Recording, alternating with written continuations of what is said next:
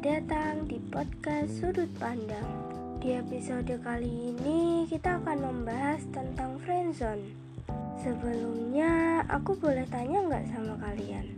Apa alasan kalian bisa menjadi friendzone? Pasti karena confess kan? Kalau menurut aku, jangan confess deh.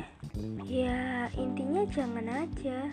Kalau kamu tidak ingin terluka, Aku dulu juga pernah suka sama teman satu kelas.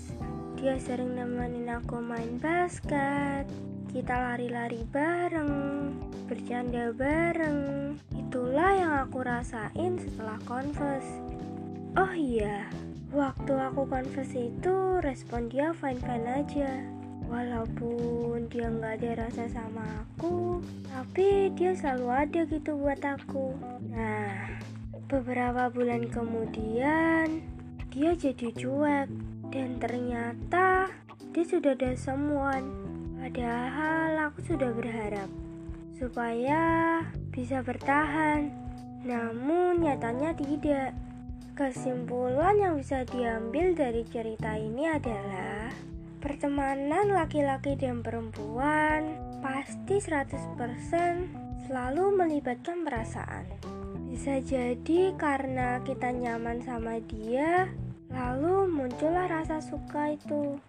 Tapi jika kita tiba-tiba confess ke orang itu dan respon orang itu, maaf ya, aku juga lagi suka sama seseorang. Di situlah kita yang awalnya berpikir positif untuk confess menjadi sakit hati banget.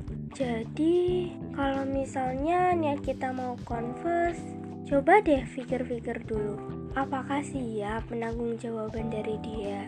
Kalau tidak ya dipendam aja Daripada nantinya kalian sendiri yang sakit hati Kalau kata Kak Budi Doremi Tidakkah cukup yang engkau lihat sungguh berat. Ya emang nyatanya berat.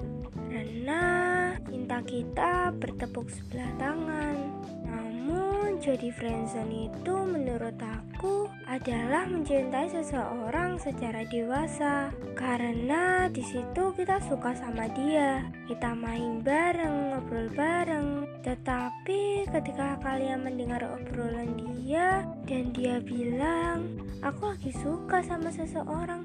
Dan di fase itu kamu menahan semuanya. Walaupun berat dan kamu tetap menyukai dia walaupun dia tidak suka denganmu itu artinya kamu sudah mencintai seorang secara dewasa tapi ketika kita sudah mulai nyaman dengan friendzone Di situlah fase mencintai paling nyaman, yaitu menjadi friendzone.